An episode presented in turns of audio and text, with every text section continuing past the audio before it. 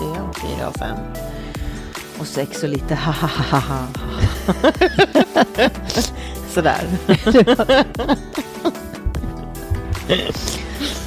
ja, Jag riktar ut min mick. jag tror att jag har min utåtriktad faktiskt. Ja, Tycker att jag... det har du. Ja, Är min utåtriktad? ja den kan puttas ut där ja. Där. Där. Bra ut. Det är prata svårt att se där med ljuset kanske men... Nej, men nu går det nu bra. Går det bra. Kan du skratta bra. lite? Ja, det Ja, det är bra. Det- är bra. Ja, men jag tror att vi är hemma Ja. där. Eller vi är ju hemma hos dig. Ja, det... Och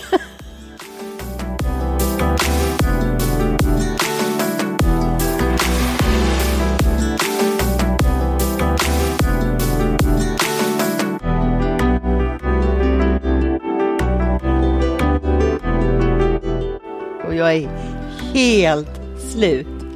Jag har spolat snäckor på båten. Ja. Ah, jag tog upp båten igår ja. och har spolat bort.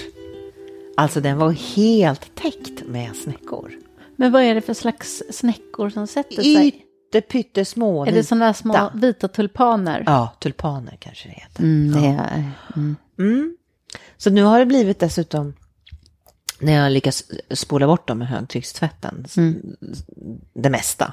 Eller jag kan säga så här, jag spolar bort 75 procent. Okej. det är 25 kvar. Ja. Men jag, när jag spolar bort så blir det ju små vita märken liksom kvar. Okej. På den fina blå Och färgen. vi som gjorde den så fin i Mm. våras. Det gjorde vi. Men jag ska se om jag kan försöka putsa här. Du, du kanske kan hjälpa mig där. Ja men absolut, jag hjälper dig. Men alltså får man bort all, kan man få bort allting sådär? Ja, Ja. Okej. det får man. Ja. Ja. För vad jag märkte sist jag åkte med båten, det var ju att eh, eh, det gick långsammare. Och det är ju när det är fullt med, med Alltså växt, djur växt- som... växtligheter på hela underredet, liksom Ja. hela botten, så bromsar ju det farten. Ja, just det, såklart. Men att det kan märkas liksom, det är rätt speciellt. Ja, det, men jag märkte det. Mm. tyckte att det gick mycket långsammare på Mm. båten. Den accelererade liksom inte. Nej.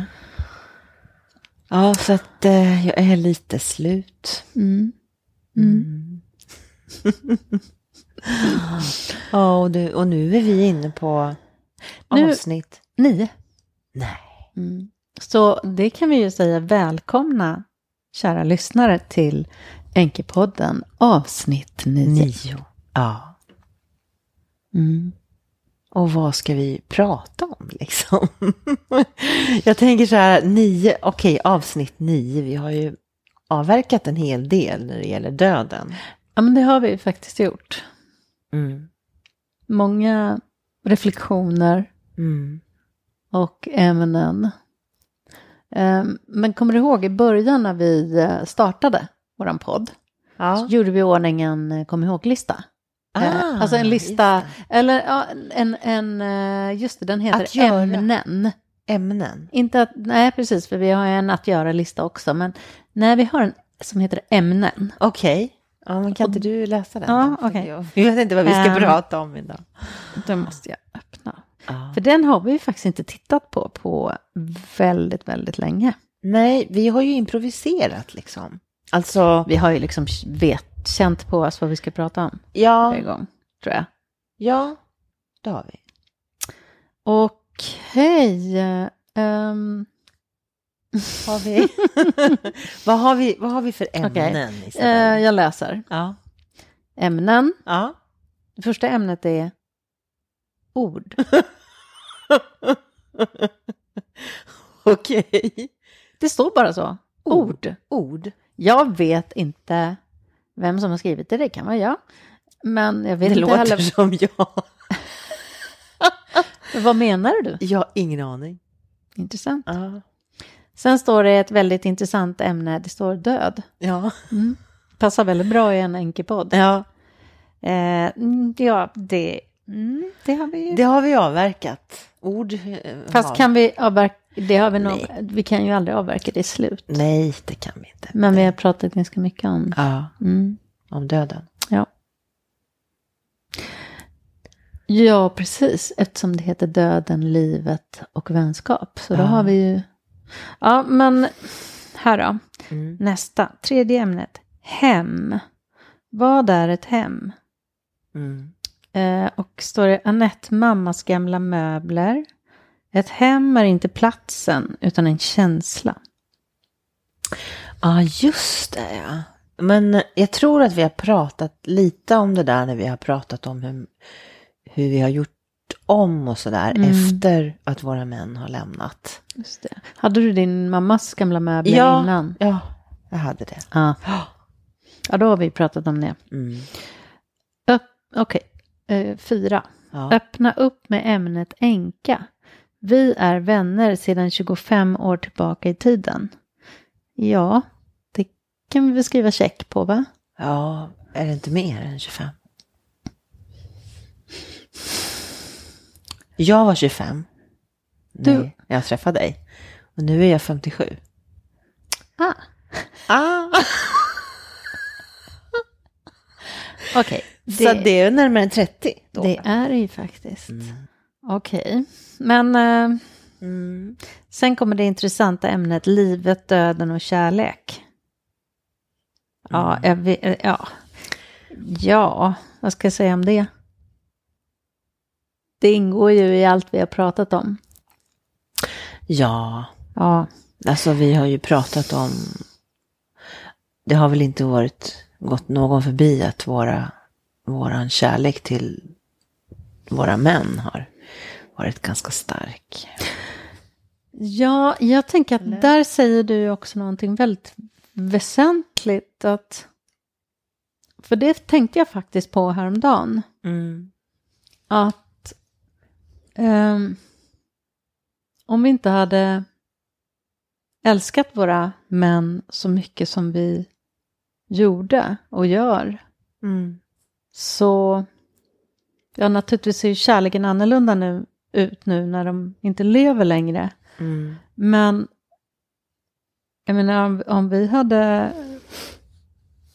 levt med män som vi inte hade älskat så mycket då hade vi ju inte, Sörjt lika kraftigt. nej. Är det sen då det du tänkte? Ja. Mm. Nej. Att det, det är ju det. Och det vet jag att vi har pratat om också. Jag menar, det är ju kärlekens pris. Ja. Det är att då kan du sörja det som du har förlorat sedan. Ja. Den förlorade Mm.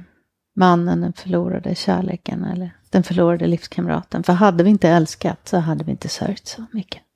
Nej. De går hand i hand. Mm. Det, det, lika kraftigt som, som man kan känna att man älskar någon. Den styrkan i den kärleken känns, gör lika ont. Mm. När det blir trasigt på något sätt. Mm. Det kan ju vara en separation också tänker jag. Alltså det kan ju vara att man skiljs åt också. Mm. På, eh, och de, den ena fortfarande lever. Liksom. Mm, mm. Eller båda två.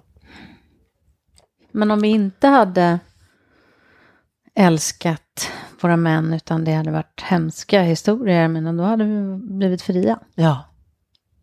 Det hade inte gjort lika ont. Kanske. Nej, det hade Nej. väl varit någonting annat. Mm. Um, Okej, Ja, har vi mer då? jo. Tvivel. Mm. Det var spännande. Tvivel. Ja, men det tror jag nog att vi pratade om någon gång också. Det Just det, kan- om livet och döden och allt däremellan. Tvivel, så står det. Ja, jag tänker på... Ja, nej, det kan vara svårt att veta vad vi menade där. Ja. Men jag tänker på tvivel, men det kanske handlar mer om osäkerhet. Alltså det här, jag kände så här, vad är det egentligen jag är med om? Mm. Eh, är det verkligen så att Mats ska dö? Är det, Jag, jag kunde känna en känsla av overklighet, kanske mer än tvivel. Den overklighetskänslan Mm. som ibland kunde vara väldigt stark. Mm. Vad är det jag är i? Vilken värld är jag i? Mm. Vilken värld är vi i? Mm. Vilken värld är vi eh, Mats i och vilken värld är vi som familj? Mm. Det var så... Ja, som ett annat land och, och dessutom var det ju pandemi så vi var ju väldigt isolerade. Mm. Mm. Um, sen kan jag tänka på tvivel i det som, som Mats uh, handskades med. Ja men, tar det slut? Blir det bara svart? Eller finns det någonting annat? Det var ju någonting han... Jag tror att han kanske tvivlade något. Även om man var relativt säker på att det bara skulle ta slut. Mm. Eller kanske hoppades han på att det inte var så. Mm. Tvivel, ja. Kanske. Men jag vet inte heller vad vi menade när vi skrev det liksom. Det, Nej, för att jag... Jag tänker väl kanske hur... Om jag tvivlade ju... Jag var ju liksom åt andra hållet. Jag tvivlade ju aldrig på att han skulle dö, äh, överleva. Alltså, det fanns inget tvivel i mig han skulle överleva. du tvivlade inte? Nej. Ja, jo. Inte, den första, inte de första månaderna. Men jag tvivlade en gång och det var när vi var på Vida-kliniken. Då kände jag att eh, att vi hade hamnat i dödens väntrum. Mm, ja, just det. Det kommer jag ihåg att du sa. Jag skriver om det i Utan dina andetag, att det känns som att vi var i Nangijala, liksom. Att jag redan var där. Mm. Att jag också var där. Mm. Vi var allihopa i Nangijala. Mm. eh, bebisen också, liksom. Matilda.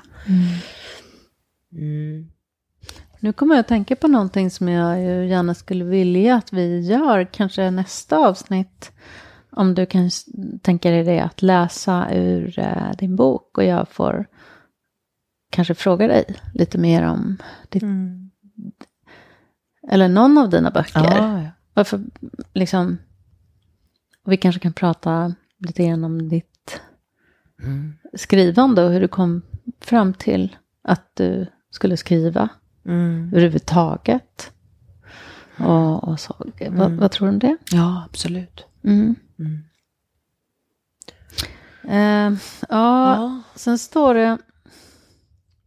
Och här tror jag liksom det här med... eh, Här har vi ju eh, tänkt på våran vänskap. Mm. Och som ju också är intressant det här med konflikter. Konsten att kunna lösa en konflikt. Mm. Och att kunna förlåta. Mm. Och eh, att, att för förlåt, man delar upp ordet i förlåt, att dra för. Jag vet inte vad vi... Var det jag som vi- sa det? vi- Anette sa att hon blev ledsen när Karin sa förlåt, att dra Nej, för. det blev jag inte. Nej, Nej, för Ja. jag har aldrig tänkt på förlåt på det sättet. Men jag vet att Nej. Karin tänkte på det. Ja, Så. Våran terapeut alltså. just Ja, ja, Hon ja. tänkte på att det var eh, någonting som man skulle dölja eller skyla. För, att man drar för någonting. Ja, så var det ja. Men jag har aldrig känt så. Nej, Att ett förlåt är inte att skyla utan det är... Nej, jag har aldrig känt så. Nej, Det ja, att ja. be, be om för, för, förlåt mig. Det, det, det kan jag känna att, att, att förlåt mig. Det är jättestort och väldigt viktigt om man när man ska dö. ja. Rogelio sa det till mig. Förlåt mig Anette för att jag inte lyssnar på dig. Nej, men det behöver du ju inte förlåta, sa jag. Jag hade varit ganska envis med att han skulle reda upp vissa saker. Eh, och han såg det när han var på väg att dö. Och så sa han att jag skulle ha lyssnat på dig. Jag hade, du hade rätt i allt du sa. Förlåt att jag inte lyssnade. Mm. Så viktigt. Och så viktigt förlåt. Ja, det är ju en, en försoning liksom. Ja, jag, jag, håller, jag håller med dig. Jag minns väl det där. Mm. Att just Karin, våran terapeut, sa det där att nej, du ska inte förlåta. Du kan förstå. Mm. Eller liksom att man skulle lära sig att förstå. Men, men jag tyck, tycker verkligen, upplever det nu Mm. så här många år efteråt. Jag var också 25. Eller jag var ju 25 när jag började terapin. Mm. Att eh, ja, men hon hade rätt i mycket, men det där, nej, det upplever jag inte.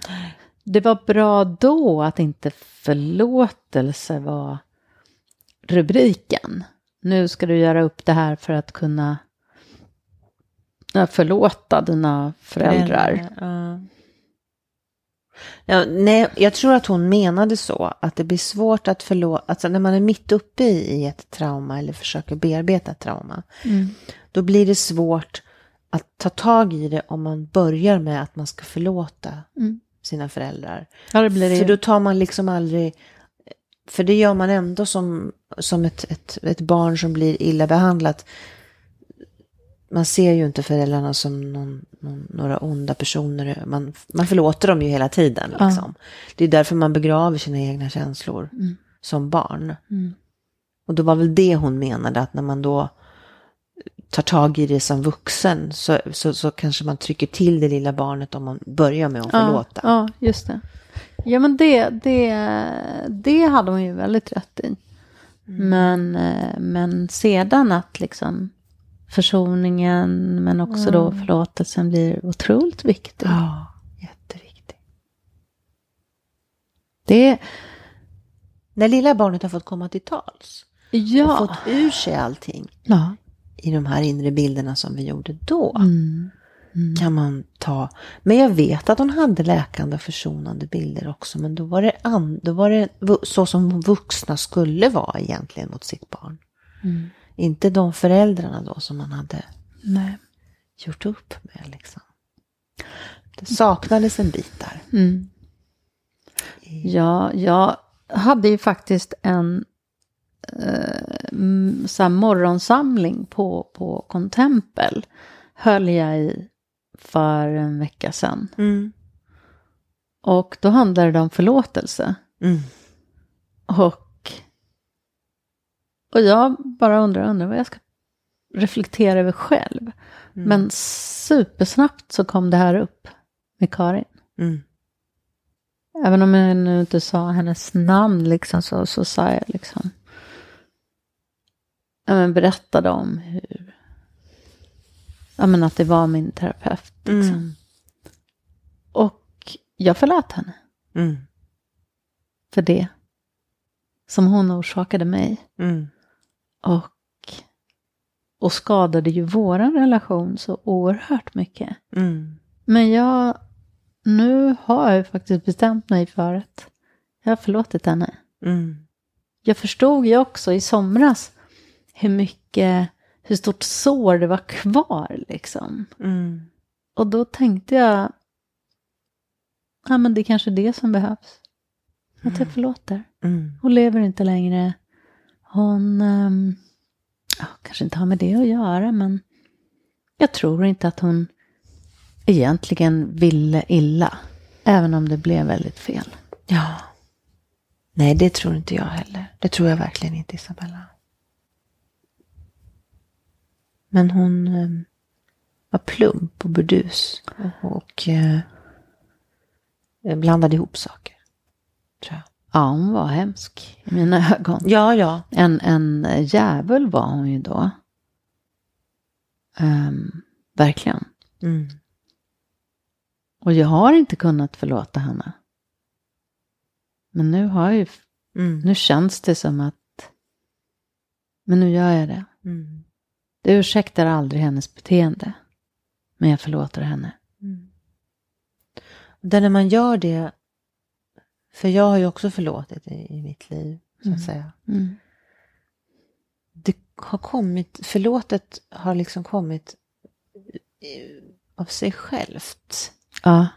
Och det, och det är väldigt eh, profunt, djupt liksom. Mm. Och det bara känns så här, ja, nej men jag har ju förlåtit. Vad har det varit för... Har det varit något som du kan komma på nu? Ja, nej men det har ju varit eh, när det handlar om, om relationen till, till mina föräldrar. Ja. Så. Men det är aldrig någonting som jag har liksom tänkt ut att jag ska, hur ska jag förlåta eller, eller att jag på något vis har intellektuellt tänkt. Nej. Utan det har bara Nej. varit dju- djupt i, i Ah, okej. själen och hjärtat. ja. Vad fint. Mm. Det är fint, det är Mm. skönt. Mm. Så det är skönt att förlåta. ja. ja, men verkligen. Och, Mm. och, och så viktigt. Mm.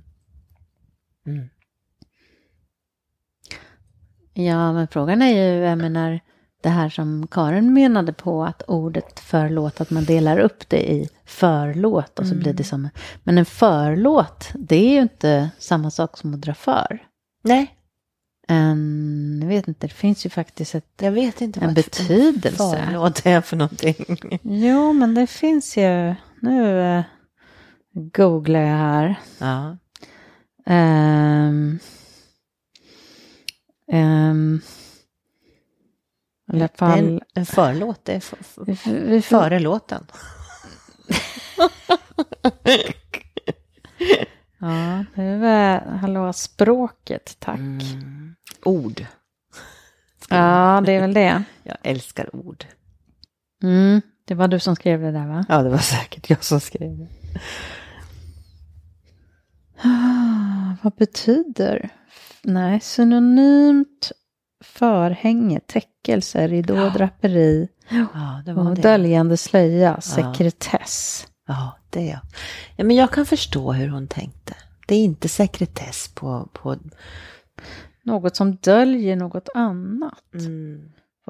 Nej, det är, nej, det är förlåt. ja. Förlåt. Det Ja, är en annan... Ja, ja, men hon, Ja, det var det jag var ute efter. Ja. Och det är det hon menade. Men Ja. det är ett annat ord, det är en annan betydelse. Ja. Förlåt, Ja. det är, det är för något man redan gjort så ber man om förlåtelse. Mm. Eh, och man kan även be om ledset, leds, förlåt om jag besvärar dig. När man, det är som man, man börjar med man någonting. perdona mig. Ja, eller då är det väl ursäkta mig.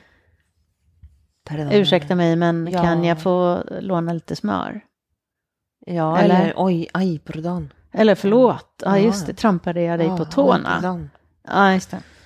Så då kan man väl säga så här att vad vår terapeut gjorde, det var att hon eh, hon helt enkelt blandade ihop Mm. orden. Ordet förlåt och förlåt. Hon tyckte väl att förlåt var en förlåt. Men det är det inte. Nej. Det är så väldigt tydligt här. Det det det är en annan betonel, be, betoning. Det är betoning på båda. Mm. Just det. Och det andra är förlåt. Ha, bra, nu har vi Mm. rätt ut det. Ja. Eh, kära lyssnare, om någon nu vill ge sig in i, eh, Förlåtets konstens alla ja, så välkomna. regler. Ja. Skriv till oss. Vad tycker du? Vi är öppna för allt och vi förlåter dig om du har fel. Lätt som en plätt. ja, lätt som en plätt. Ja, men vad, vad är nästa då? Jo, här fortsätter vi. Jaha. Hämnd. Och bakom hämnden finns förlåtelse. Det här är ju så intressant.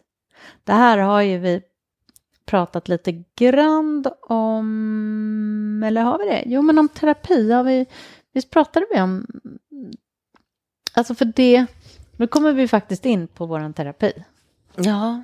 Och jag tycker att det är oerhört intressant att just prata om hämnd.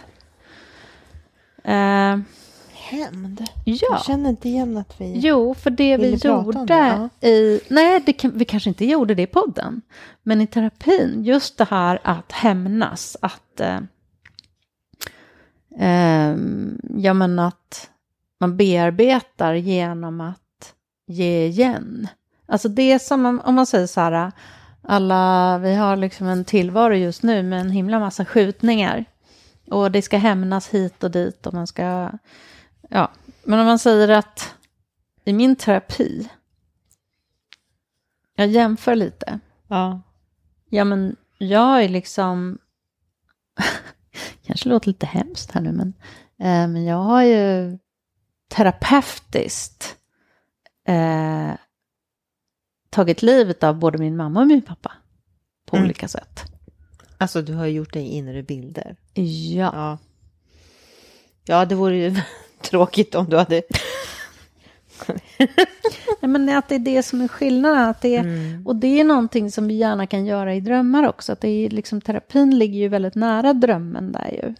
Att det, du, du, du, det, det, det är ju det oskyldiga, det är ju det lilla barnet som är helt utlämnad ju. Som ger igen. Som ger igen när den inte kan det. I alltså, vardagliga livet liksom. Ja, ja. Eller då när det hände. Jag menar som, som eh, Men hämnd, jag får så här, usch vad obehagligt. ja. Va, hämnd? Nej, varför det? Men Va- ge va- igen. Ge igen. Ja. Det är inte lika starkt. Jag Nej. har också gjort jättehemska saker mot mina föräldrar. Men jag skulle inte säga att jag hämnades, utan jag gav igen. Mm. Vad är skillnaden? Jag blev lite nyfiken på min egen reaktion nu. ja. Vad är skill- Hämnas är för mig så här... Jag vet inte hur jag ska förklara. Är det lite mer beräknande? Berott och beräknande. Ja. Men alltså ge det igen, det är liksom... Ja, har Jag ger tillbaka, nu ger jag tillbaka och ger igen det jag har fått stå ut liksom. Ja, men det har du verkligen rätt i. Det är jag som har använt ordet hämnd. Ja. Eh, för hämnd betyder ju också att ge igen. ja, det gör det väl, men det låter... Men nu är jag på väg att googla, Googla igen. det är spännande. ja, men det, det, det är ju det.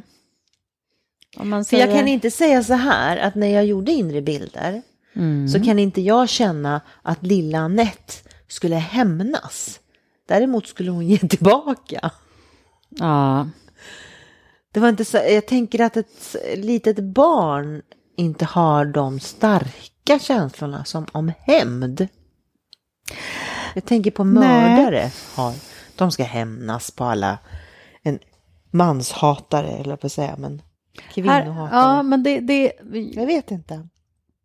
så här, jag kan läsa några Ja, ja. förklaringar här Ja. på ordet hämnd. Spännande. Hämnd är en reaktiv eller straffande behandling eller straffande handling på en upplevd orättvisa eller missgärning. Hämnd är ett vanligt motiv till privat och samhälleligt straff, antingen för att bli kvitt eller enligt principen om lex talonis i många stamsamhäll... Lex... Nej. Ta, talionis, förlåt. Jaha. Jag vet inte vad lex talionis är. Nej. Eh, I många stamsamhällen är hämnd ett legitimt skäl till mord och våld. Ja, det är väl det kanske jag förknippar med. Ja, så det är ju liksom... Men, men jag tycker att i våran... Ja, men det du liksom beskriver, jag har bara varit van att använda ordet hämnd, men jag tycker att ge igen passar ju kanske bättre på ett sätt eftersom vi också gör det bildligt. Men alltså vi gör det ju inte IRL. Vi, det är Nej. det som blir skillnaden, liksom, att kunna göra upp, att kunna bli kvitt eller Mm. ge igen eller vad vi nu väljer att säga att det är. Och det är ju inte beräknat, precis som du säger, utan det är ju en Känslan. förtvivlad Mm. handling från ett desperat barn. Ja, och känslan av att så här ont gjorde det i mig liksom. Precis. Eh, precis, och för att liksom få föräldern i det här fallet att, att förstå eller ja, om jag, jag går in i detalj så är det ju framförallt det som det handlar om. Mm. Men herregud, du förstår inte. Eller få tyst på den personen kan det ju vara också. Mm. Mm. Ja. Jag, jag kan säga så här. Jag, någon, jo, jag kan nog säga att jag hämnades. Nu när, när du pratar om det. Jag blev ju mobbad Mm. ganska grovt i hela ett, årskurs 1 och 2 och 3 Mm. och 4 och 5. Mm. Fem år. Mm. Eh, jag blev både slagen, slagen och spottad på och liksom, Fy fan. ja det var hemskt. Hemskt. Varje dag var det någonting. Det är ju helt vidrigt. Ja, det är vidrigt. Jag hämnades på hela klassen. Där kan jag känna att jag hämnades. Nu blir jag jättenyfiken. Ja. Hur gjorde du? Ja, jag kastade in dem i en eld, brände upp dem allihopa. Jag tände en jättestor eld eh, i den här inre bilden alltså. Ehm, och, och kastade in alla i, i elden en efter en. De brann upp. Hur kändes det efteråt? Ja, det var riktigt skönt. Ja. Och lärarna också. Det var flera lärare som, som eh, blundade. På den, på, på den tiden gjorde man ju det också. Blundade alltså. Mm. Mycket mer än vad man gör nu kan jag tycka. Mm.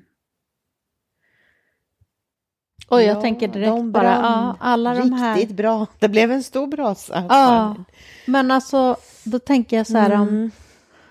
vilket jag tror inte jag är ensam om att reflektera över, att ja, men du gjorde det i en inre bild. Mm. Och Mm. hur detta plötsligt har blivit något som är som sker Ja. så ofta, alla dessa skolskjutningar och, Ja. och att det handlar om barn som känner sig orättvist behandlade eller kanske är mobbade, svårt mobbade eller blivit utsatta på olika sätt. De osedda barnen. Mm. Mm. Det har ju jag haft en, en, en, en eh, tanke om att skriva. Mm. Om de Blir det nästa bok? Osedda barnen. Ja. Jag har, jag har ju en dikt, jag kommer inte ihåg om jag har börjat på den, jag tror den, den, den heter Det osedda barnets sång. Mm. Och det tror jag nog att jag kommer att göra. Mm. Mm. Vad bra. Mm. Det har jag tänkt Ja. länge, Det osedda barnets sång. Mm. Den, den kan vara Den kan vara lång, den Mm. sången. Mm. Jag tycker att jag ser så många osedda barn Mm. nu. Ja, du gör det i ditt jobb också. mitt jobb. Mm. Ja.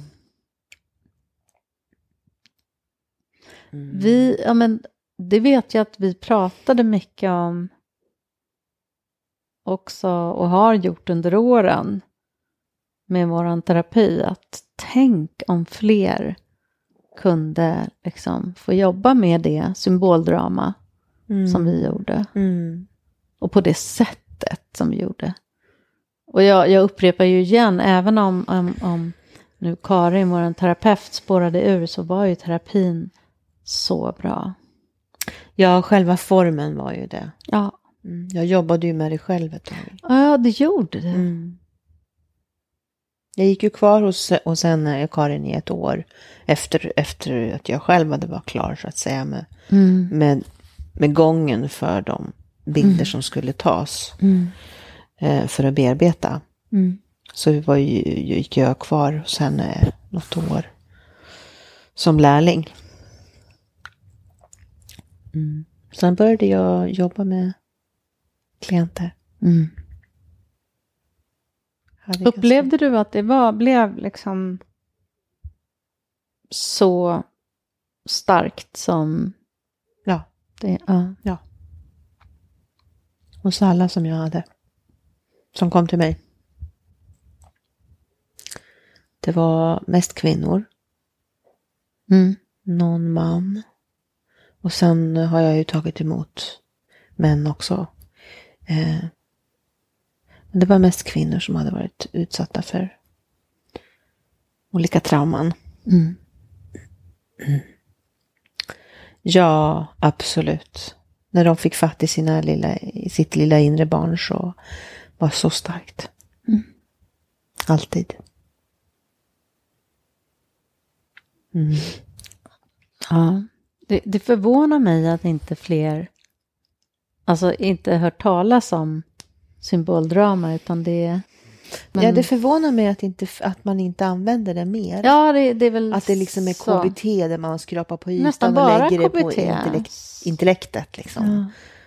Ja, det förvånar mig också. Mm. Alice Miller är ju som är liksom grundaren till, Mm. till det, det sättet att jobba. Ja. Men vad har hon i en bok som heter Den bandlysta vetskapen? finns en bok som heter Det självutplånande barnet och Den bandlysta vetskapen. Ja, det finns flera. Den dolda nyckeln. Mm, just det.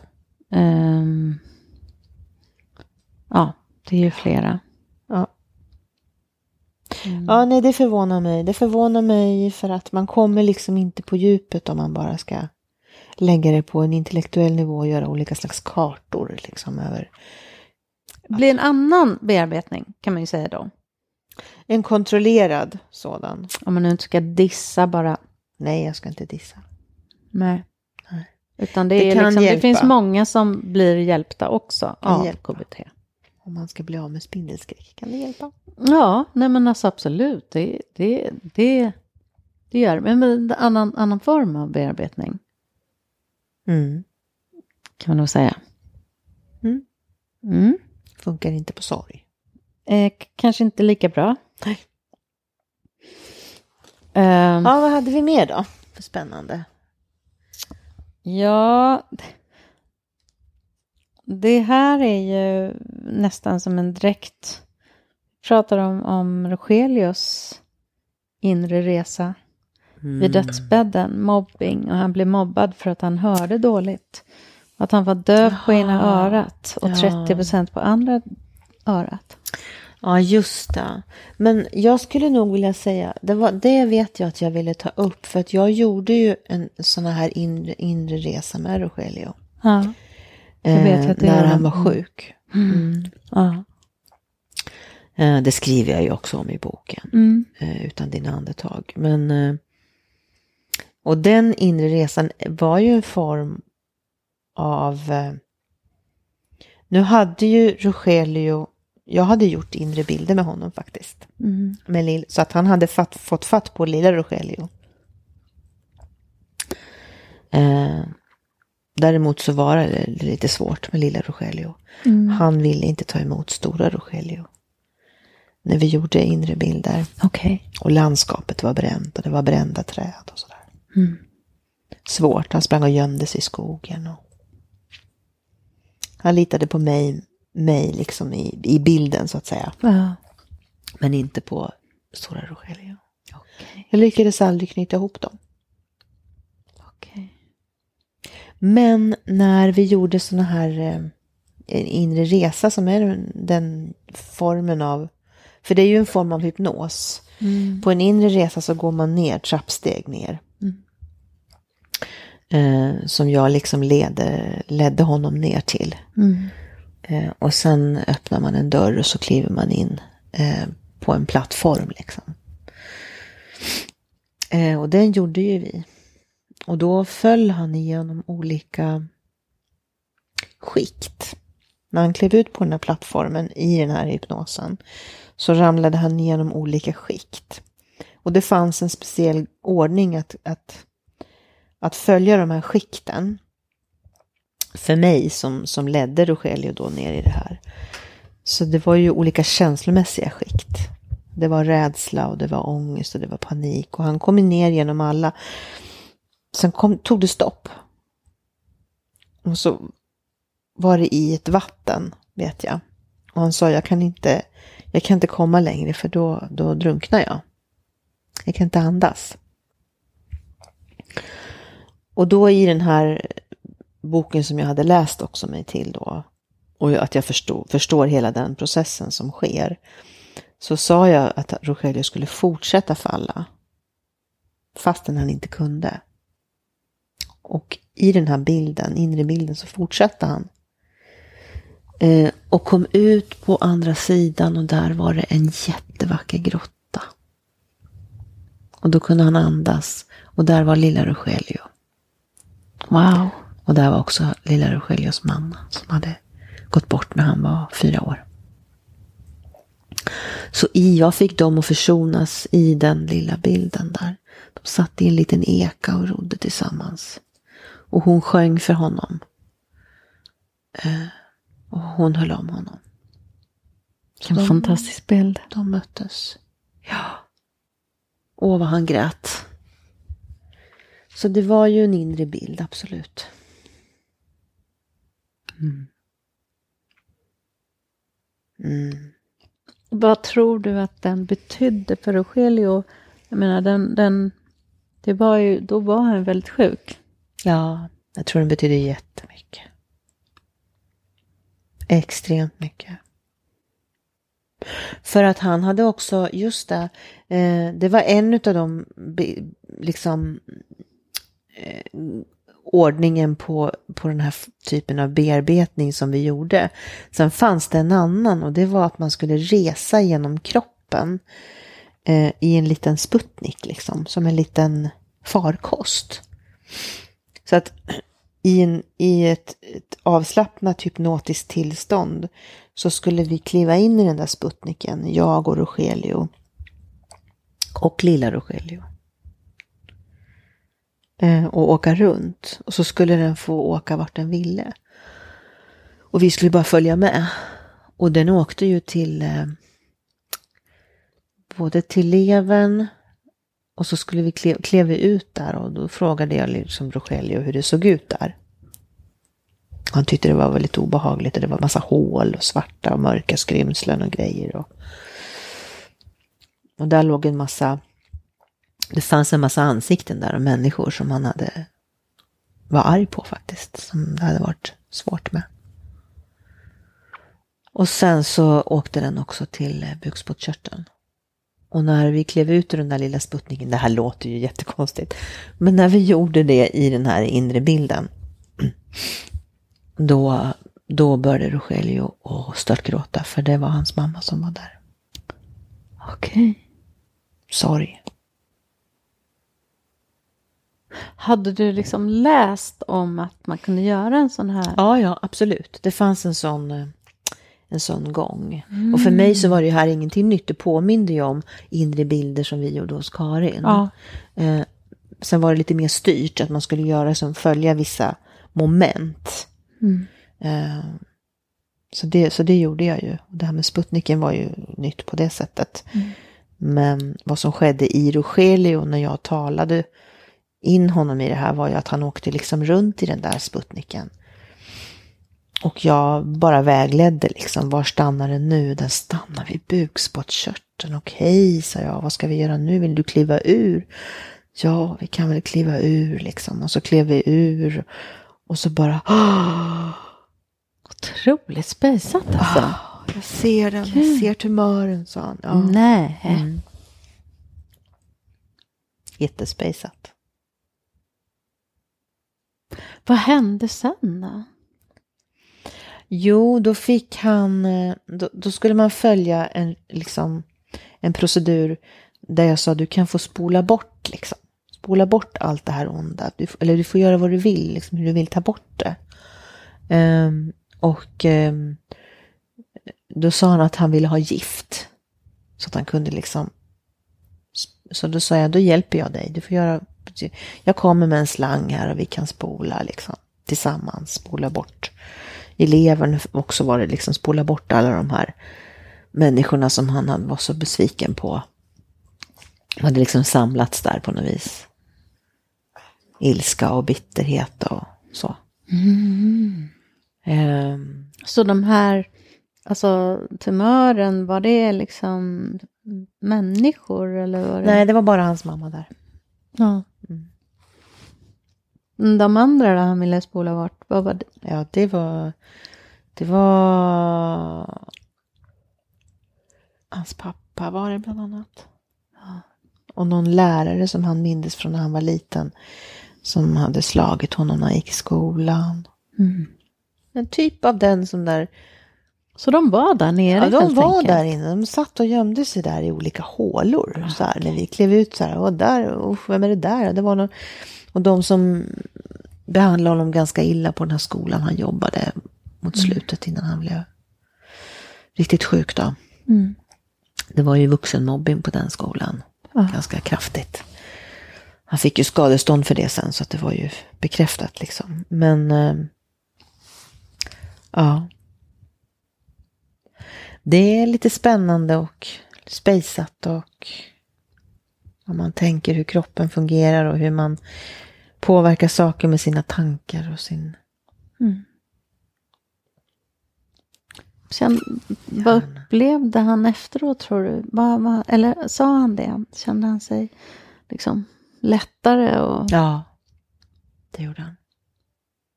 På ett sätt tänker jag att jag hjälpte honom i alla fall att bli lite fri innan han skulle lämna. Det gjorde du ju verkligen, Mm. tänker jag. Ja. Ja men alltså, det måste varit fantastiskt Mm. för honom Mm. att få bli lite mer befriad. Mm. För det, det är ju väldigt... Jag tänker det blir ju så, det blir ju så fruktansvärt tydligt att plötsligt så finns det ingen tid kvar.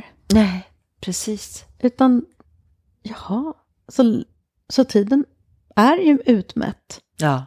Dör jag imorgon Mm. eller är det övermorgon? Mm.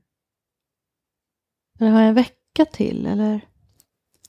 Och så plötsligt så kommer alla ouppgjorda saker. Ja.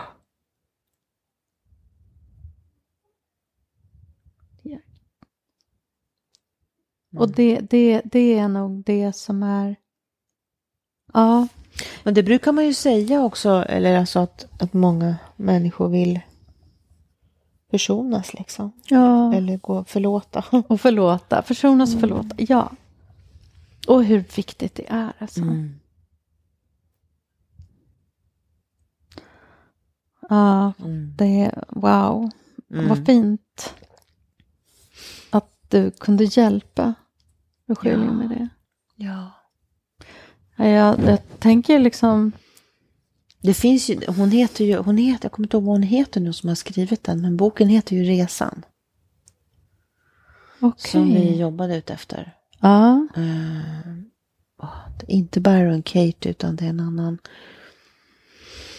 Och hon, den kvinnan hade själv ta, eh, fått bort en tumör. Hon hade en tumör i magen Mm. som var lika stor som en Quantalope-melon. Oj. Och hon lyckades få bort den. Mm. Ehm, ja. Har vi mycket kvar på listan då? ja. Vart var det vi... Vi har det väldigt mycket, mycket kvar på listan. men Då, då kan vi inte blä- bläddra igenom den nu. Nej. vi- Nej. Nej, men det är, det är spännande att vi gör så här, tycker jag. Att vi läser igenom listan. Mm. Det känns bra tycker jag också. Ja. Absolut. Mm. Vi skrev ju den i början. Och Mm. nu... Eh, men då kan vi säga till alla lyssnare också att... Eh, ja, men vi säger det igen. Alltså, tack för era reaktioner. Mm. Ja. De betyder ju så mycket för oss. ja, det gör de verkligen. Mm. Och det här var ju kanske ett annorlunda avsnitt på något vis. Men eh, just det här att vi, eh, när vi började våran podd, att vi gjorde liksom en lista som vi fyllt på sen. Vad ska vi Mm. prata om? Och sen så har vi, sen så har liksom det varit väldigt spontant. Vi har ju liksom frågat oss var är vi idag? Mm. Ehm, Och när du frågade mig idag, innan vi skulle podda, Mm. var jag var någonstans, för du berättade att du var väldigt trött. Och då sa jag, nej men jag mår bra. Mm. Alltså, därför att det är så som jag känner att jag har ju fått tillbaka, eller jag vet inte om jag ska säga tillbaka, jag kan säga att jag har fått energi Mm. igen. Mm. En, en, kanske en helt ny energi. Jag har fått också en eh, ny eh, självkänsla. Och jag... Jag kan liksom ta med mig Mats. Men jag kan också låta honom få vara hemma. Han är väldigt mycket hemma fortfarande. Jag, jag går och klappar på hans fotografi. Mm. Men, men eh, jag kan liksom... Jag klarar mig utan Mm. honom också. Mm. Han bor i mitt hjärta. Men, men jag, jag... Ja, men han följer med. Jag saknar... Jag saknar inte hans närvaro lika mycket längre. Eh, rättare sagt, jag kan sakna den men jag klarar mig. Mm. Mm. Så kanske jag ska säga. Jag klarar mig. Ja. Och det känns så otroligt bra.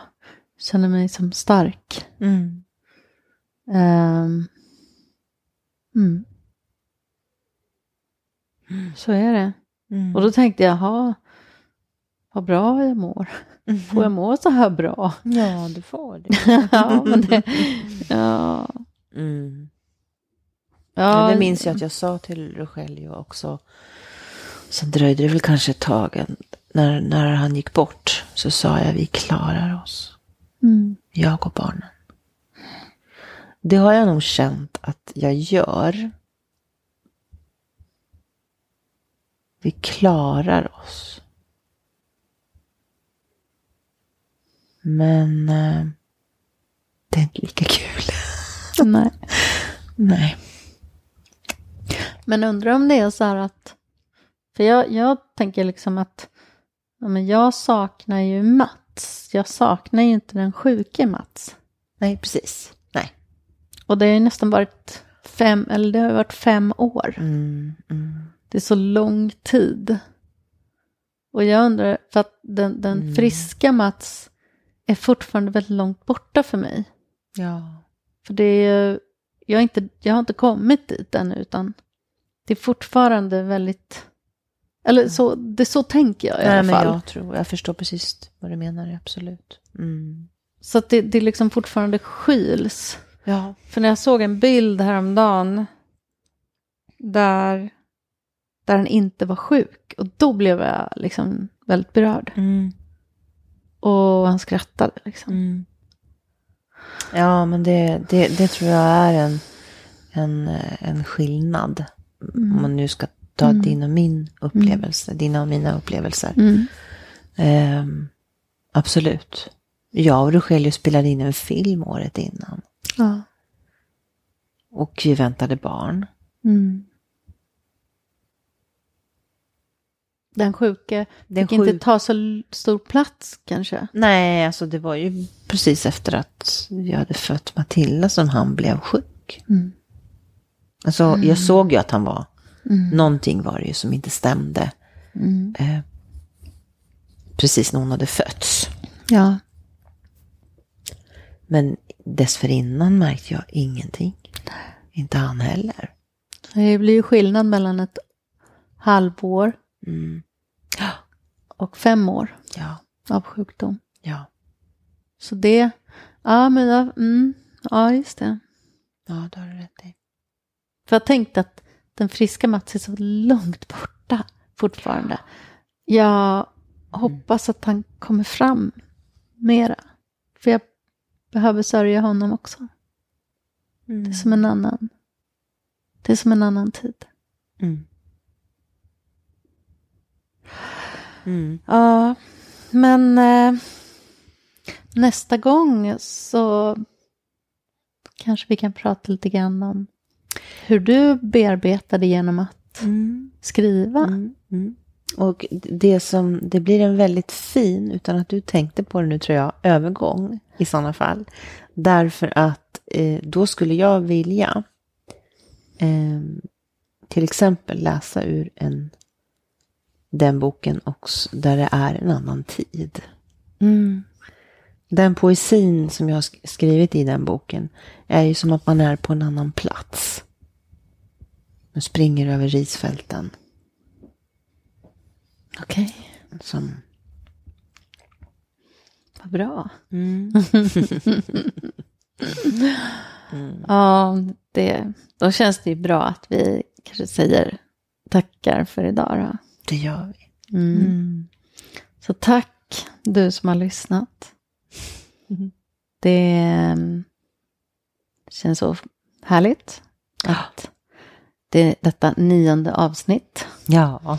har du varit med och lyssnat. Och ehm, skriv gärna vad du har för egna tankar och om det är någonting som du tycker att vi ska prata om.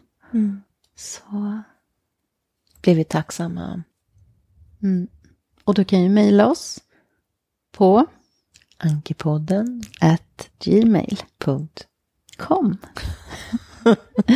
Eller så kan du också ja, skriva i kommentarsfält på, ja, men på flera ställen. På, på Insta och på eh, Facebook. Ja. Och, Jag tror det eh, finns också på ehm, Ja, men A- är det Acast? Acast. Jag tror det finns till och med på Podbean. Man Ja. kan gå in och skriva kommentarer. Just det.